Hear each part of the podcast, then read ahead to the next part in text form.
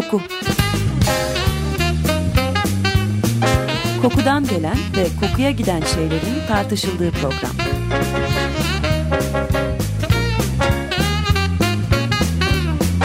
Hazırlayan ve sunan Vedat Ozan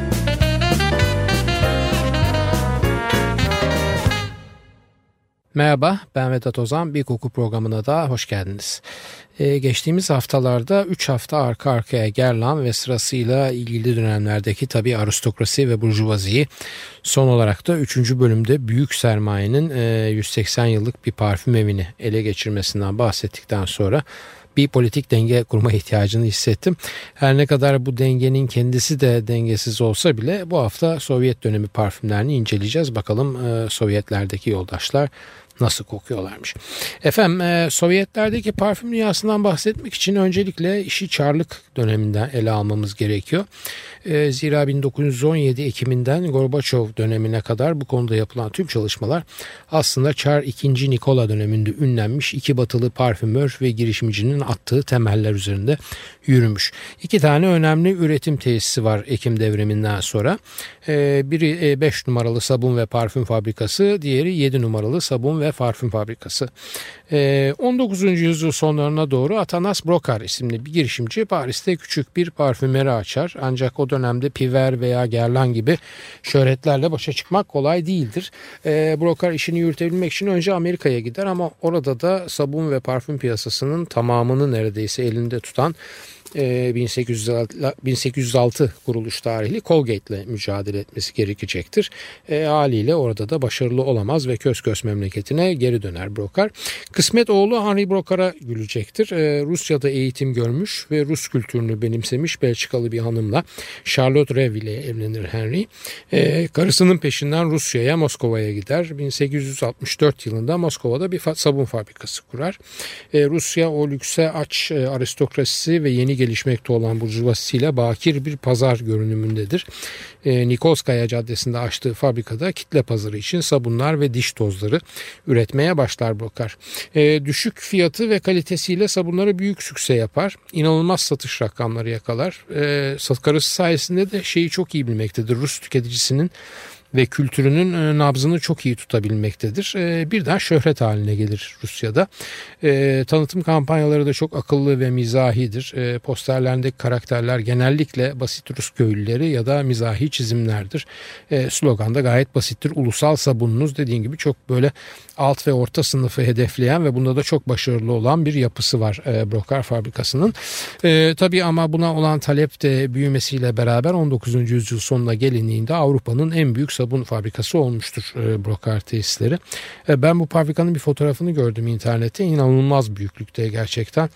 E, kapladığı alanı tarif etmek için şöyle diyeyim. Bir ucuna Sultanahmet Camii'ni, e, diğer ucuna da Gülhane'nin Sirkeci'ye çıkışını koyun. Aradaki o bütün alan e, Brokar'ın e, sabun ve parfüm fabrikası diyebilirsiniz başlangıç başarısıyla böyle oldukça güçlü bir gaz alan Brokar daha yüksek kalitede ürünler de üretmeye başlar. Artık ürünlerine doğal esans yağları ve gliserin de ilave etmekte. Bu şekilde daha da yüksek bir tüketici profiline hitap etmektedir. E, bu süreçte tesise Gras kentindeki Ruhr Bertrand ve oğulları tesisinden tonlarca esans yağı gelmektedir. E, bu Gras'taki Ruhr Bertrand ve oğulları firması daha sonra şirket birleşmeleri sonucunda bugün e, daha önce bir programda bahsettiğim 5 büyük arama kimyasal devinden biri olan Jivodan haline dönüşecektir. E, Brokar'ın başarısı ve şöhreti sarayın da dikkatinden kaçmaz. Kısa sürede majesteleri Çariç'e Aleksandra Fyodorovna aile olmak üzere Çarlık Sarayı'na da ürün temin eder hale gelir. E, bu dönemde sabuna ilave olarak parfümlerde tabi Brokar fabrikasının ürün yelpazesinin içinde yer almaya başlamıştır. E, bu dev fabrika bünyesinde hem batıdan parfümörler çalışmakta hem de bu batıdan gelen parfümörler tarafından e, mesleğe meraklı Ruslara parfümörlük sanatının ve koku dünyasının incelikleri öğretilmektedir. Bu ithal parfümörlerden biri olan Agus Michel Krasnaya Moskova isimli bir parfüm yaratır. Kızıl Moskova demektir bu isim. Ancak kızıl kelimesi Rusya'da hem güzel hem de kızıl renk anlamına geldiği için e, politik döneme bağlı olarak ismin anlamı da tabii ki değişir. E, 1917 yılı Şubat'ında Rusya'da Çarlık devrilir. Yerine geçen hükümette Bolşeviklerin baskısına dayanamaz ve Ekim devrimiyle beraber ki aslında Kasım devrimidir bu bildiğiniz gibi takvim farkından dolayı genelde Ekim devrimi diyebiliyoruz. E, iktidar Sovyetlere geçer. E, iktidarın Sovyetlere geçmesiyle birlikte asillerin ülkede kalanları dışarı kaçar. E, bankalardaki paralara el konur ve fabrikalarda devletleştirilir. Brokar'ın dev sabun fabrikası da devletleştirilen fabrikalar arasındadır ve ismi Zamosoretski 5 numaralı sabun fabrikası adını alır. Bu isim daha sonra Novaya Zarya yani Kızıl Şafak'a dönüşecek. Tesis hayatına böyle devam edecektir. E, İkinci Dünya Savaşı sırasında fabrika Urallardaki Sverdlovsk e, veya bildiğimiz adıyla Ekaterinburg'a nakledilecek. Burada da kendi bünyesinden bir fabrika daha doğmasına sebep olacaktır ki bu yeni tesisin de ismi Kalina'dır. Brokar Rusya'ya gelip sabun fabrikasını kurduğunda ülkedeki tek kozmetik fabrikası onunki değildir. Ee, ondan önce 1843'te Alphonse Rale Moskova'da Alphonse Rale ve şerikleri sabun ve parfüm fabrikasını kurmuştur ve üretim yapmaktadır. Ancak Rale fabrikası daha çok pahalı pomadlar ve kokularda ihtisaslaşmıştır. E, demin anlatmıştım. Daha çok ucuz sabun ve ucuz parfümler üretiyor. E, Rale fabrikasını Edouard Bo idare etmektedir. Edouard Bo aynı zamanda Ernest Bo'nun da babasıdır. E, Ernest Bo daha sonra Chanel 5'i yaratan parfümör olarak ünlenecektir ve o dönemde ailenin Rusya'daki fabrikasında baş parfümör olarak çalışmaktadır. Yani bakın nerelerden nerelere gidiliyor şu küçük e, parfüm dünyasında. Char, Lenin ve Madame Coco Chanel aynı adamın hayatında birinci dereceden rol oynayabiliyorlar. Ee, Ernest Bohn'un Chanel macerasını başka bir programda anlatacağım. O program aynı zamanda Chanel 5 ile ilgili duyduğunuz ve inandığınız pek çok pazarlama efsanesinde sonu olacak tabii. Neyse biz e, Rusya'ya dönelim tekrar. E, bir ilginçlik daha saptayalım tam burada. Rale fabrikasının sahipler arasında e, ilerleyen tarihte büyük hissedarı olan Gras Fransa orijinli Antoine Cheris firması da vardır. E, Grass'ın en büyük firmalarından biri olan ve Coty efsanesinin de doğmasının yardımcılarından e, ve en büyük amillerinden biri olan bu aile tesisinin sahibi Antoine Chiris'in torunu Yves de Chiris'tir. Bu ismi programımızı baştan beri takip eden dinleyicilerimiz e, hatırlayabilirler. Çünkü Moskova'daki Rale'nin ortağı Chiris'in torunu olan Yves de Chiris Aynı zamanda çok yıllar sonra e, parfümör Olivier Cresp ile beraber Thierry Mugler için Angel parfümünü yaratan burundur. E, çok fazla isim çok fazla soyadı geçiyor ama umarım e, takip edebiliyorsunuzdur e, aile ve marka ilişkilerini. Korkmayın bu kadar isim sayıp sonra da Sabetay bağlantılarda girmeyeceğim. Evet efendim Rale fabrikası Romanov hanedanının 300. yılı nedeniyle Bouquet de Catherine, e, Katarina'nın buketi diye bir parfüm yapar. Bu Chanel 5'teki aldehit kullanımı ile ünlenen Ernest Beau'nun aldehitlerle ilk parfüm denemesidir. E, Beau daha önce de Napolyon'un buketi, Bouquet de Napoleon isimli bir parfüm yapmıştır ama çok satmasına rağmen bu parfüm hiçbir zaman e, aynı tarihte Hubigan parfüm önce üretilen Quelque Fleur gibi bir parfüm tarihinde dönüm noktası yaratan bir parfüm olamamıştır. E, buna hırslanan bu. Kelköflör'ün başarısının sebebi olan aldehitleri kullanarak yeni parfümü Bouquet de Catherine'i tasarlar.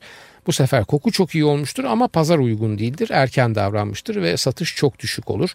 Bu düşük satışa rağmen e, Bouquet de Catherine formülü Ernest Beau'nun aklının bir köşesine sabitlenecek ve bazı çok küçük değişikliklerle yıllar sonra karşımızda Chanel 5 olarak çıkacaktır.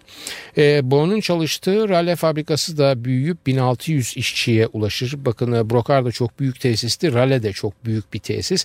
1600 işçiye ulaşıyor. Tesiste elektrik, bir asansör hatta bir de telefon vardır. E, o dönemler için inanılmaz şeyler tabii bunlar.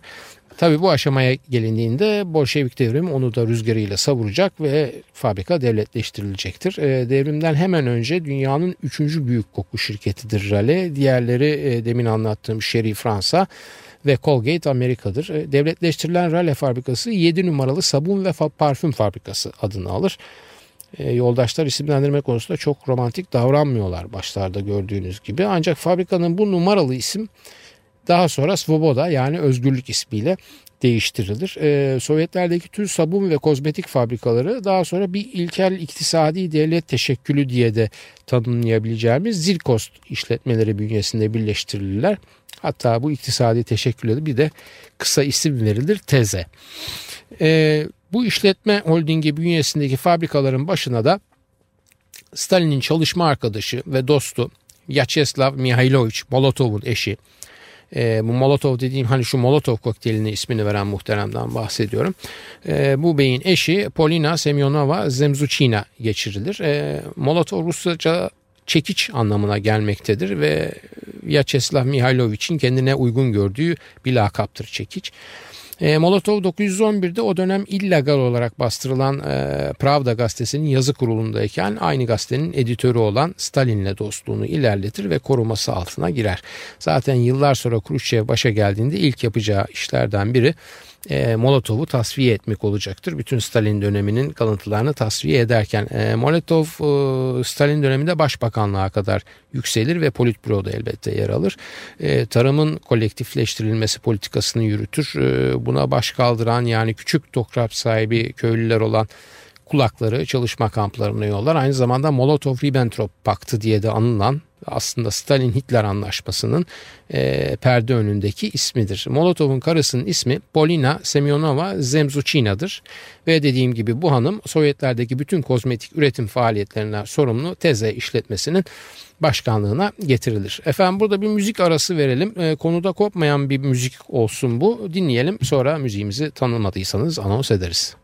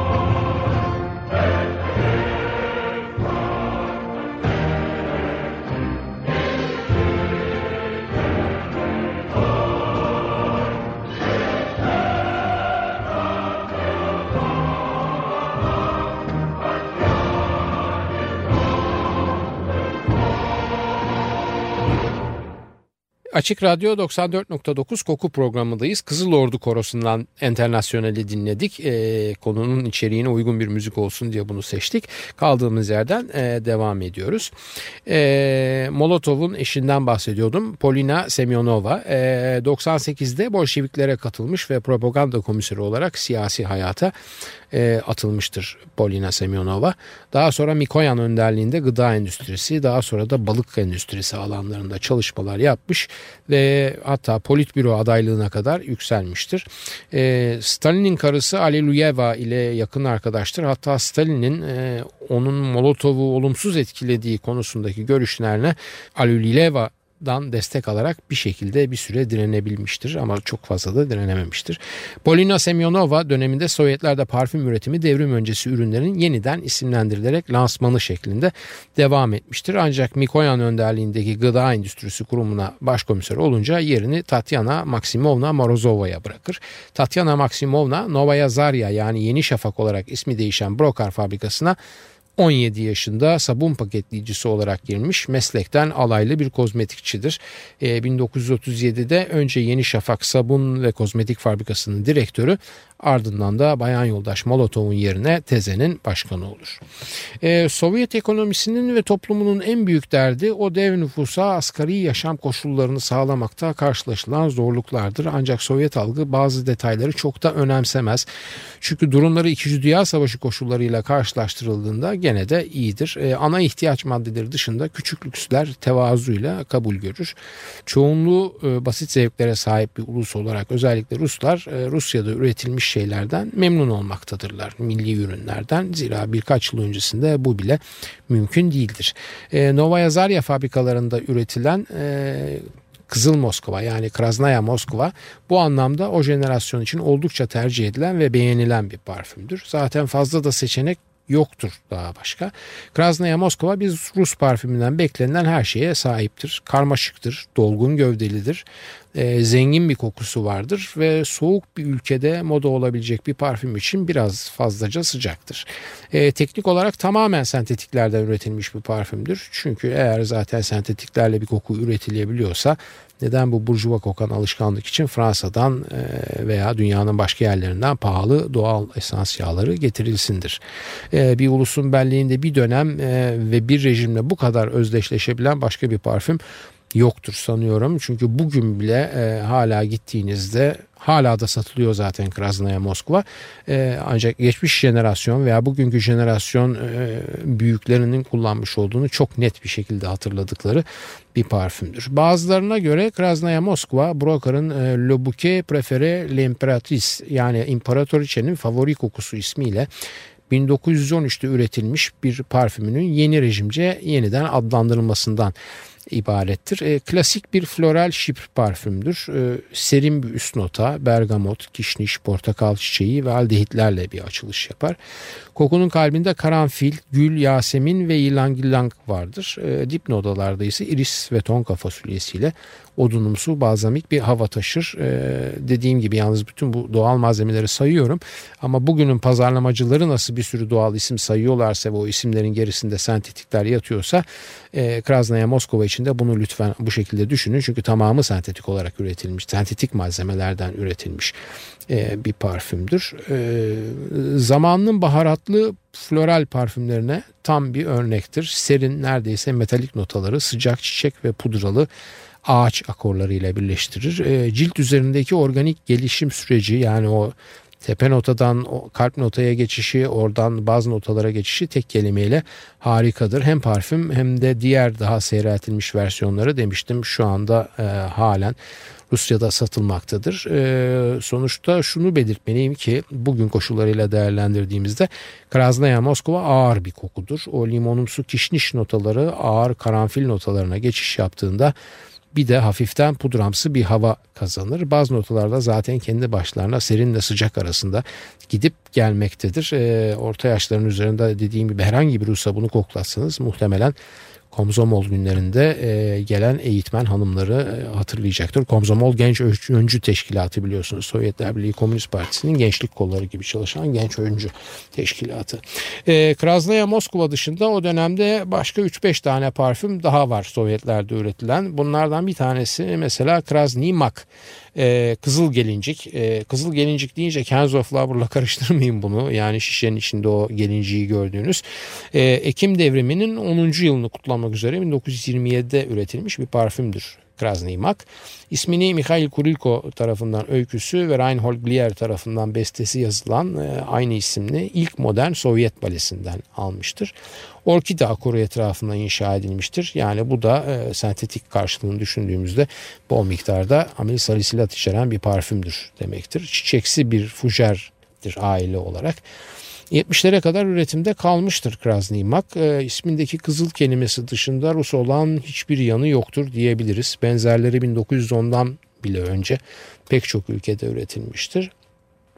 Büyük bir tesadüf olarak ondan bir yıl önce Roger Egale Fransa'da Pavot d'Argent gümüş gelincik isimli bir parfüm çıkarmış. Bu gümüş beyaz parfüme bir yıl sonra da Moskova'dan kızıl bir cevap gelmekte gecikmemiştir. E, İkinci Dünya Savaşı'ndan sonra hem şişesi hem de formülü tamamen değişen Krasny Mak yani kızıl gelincik sadece Sovyetlerde e, parfüm olarak satılmakla kalmamış. Ayrıca savaş sonrası kardeş ülke Romanya'daki ilk parfüm fabrikasına Makul Roşu e, isim annesi de olmuştur. Çünkü o fabrikanın ismi yani Makul Roşu da Romenca'da kızıl gelincik demektir. Bunlardan başka beyaz akasya, şipr ve çok sonraları 70'lerde üretilen gümüş müge sayabileceğim diğer Sovyet parfümleri. Zaten daha da fazla çeşit beklemeyin. Sonuçta devlet tarafından ismi numarayla anılan fabrikalarda üretilen parfümlerden bahsediyoruz. Bu saydıklarımdan Şipr e, daha üst düzey için üretilmiş ve daha kompleks yapıya sahip bir parfüm. E, Şipr parfüm ailesini geçen hafta size anlatmıştım ya da evvelki hafta.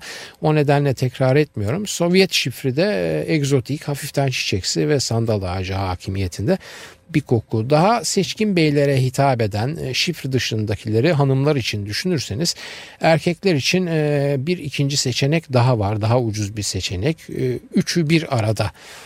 Troynoy isimli bir başka parfüm var. Söylentilere göre üçü bir arada aslında 18. yüzyılda özellikle Napolyon'un emri üzerine dezenfektan olarak üretilmiş bir parfümdür. Dezenfektan deyince kafanız karışmasın çünkü o dönem pek çok hastalıktan kokular sayesinde kurtulunacağı düşünülüyor ve bunların pek çoğu da sadece koklanmak için değil tabi içilebiliyor da.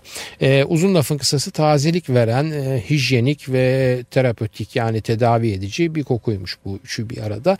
Orijinalinin üzerindeki etikette e, gençler 20-30 büyükler 50-60 damlayı su veya şarapla seyrelterek içmelidir ibaresinde taşırmış. Bu ibareden haberleri vardı veya yoktu. Bilinen bir gerçek üçü bir aradanın e, yüksek alkol seviyesi yüksek alkol oranı nedeniyle Rus alkolikleri tarafından efsanevi bir şekilde tercih edildiği ve vodka'nın yasaklandığı veya bulunamadığı dönemlerde e, bu parfümü satın alarak içilmekte oldu. Her iki erkek kokusu da bizler gibi güncel koku endüstrisinin seçenekleri arasında şımarmış diyebileceğim tüketicilere göre oldukça ağır kalıyor tabii. Her ikisinde de yoğun kökner çamı ve misk kullanılmış.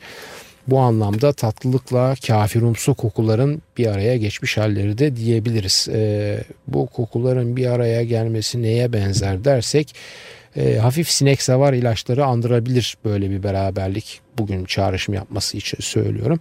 E, ne yazık ki ben de bu yorumları yazılı bilgilere dayanarak yapıyorum. Bu parfümlerin asıllarını koklama şansım olmadı. Zaten olsaydı da bu iki erkek kokusundan ziyade o bir Rus parfüm efsanesi haline gelmiş Krasnaya Moskova'yı koklamak isterdim tabii ki. Kısmet belki bir gün düşer bir yerden koklayabiliriz. Bir de öyle yorum yaparız üzerine bu Sovyet kokusunun. E, bunun dışında birkaç parfüm daha belki ya var ya yok Sovyetler tarafından üretilen çok fazla kayıtlara ulaşma imkanı da kolay değil tabi. E, ilave olarak parfüm niyetinde satılan birkaç tane de floral akor var. İşte Yasemin'di, Mimozo'ydu vesaire vesaire gibi. Ancak bunlar e, tabi parfüm ismi verilmesine rağmen e, Gerla'nın programında bahsetmiş olduğum aqua alegoryalar gibi tam parfüm değiller geliştirilmiş akorlar olarak karşımıza çıkıyorlar. E, bu haftaki programın sonuna geldik. Haftaya e, kaldığımız yerden devam edik. Sovyet parfümleri e, konusunu e, bitireceğiz. E, Soru, öneri ve eleştirileriniz için e-posta adresimizi veriyorum. kokuprogrami.yahoo.com ee, Ben Vedat Ozan, radyonuz kokusuz kalmasın sevgilerimle.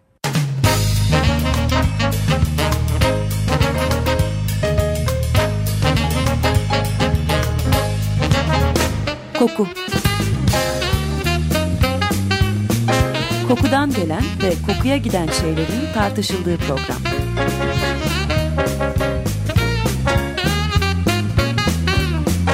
Hazırlayan ve sunan Vedat Ozan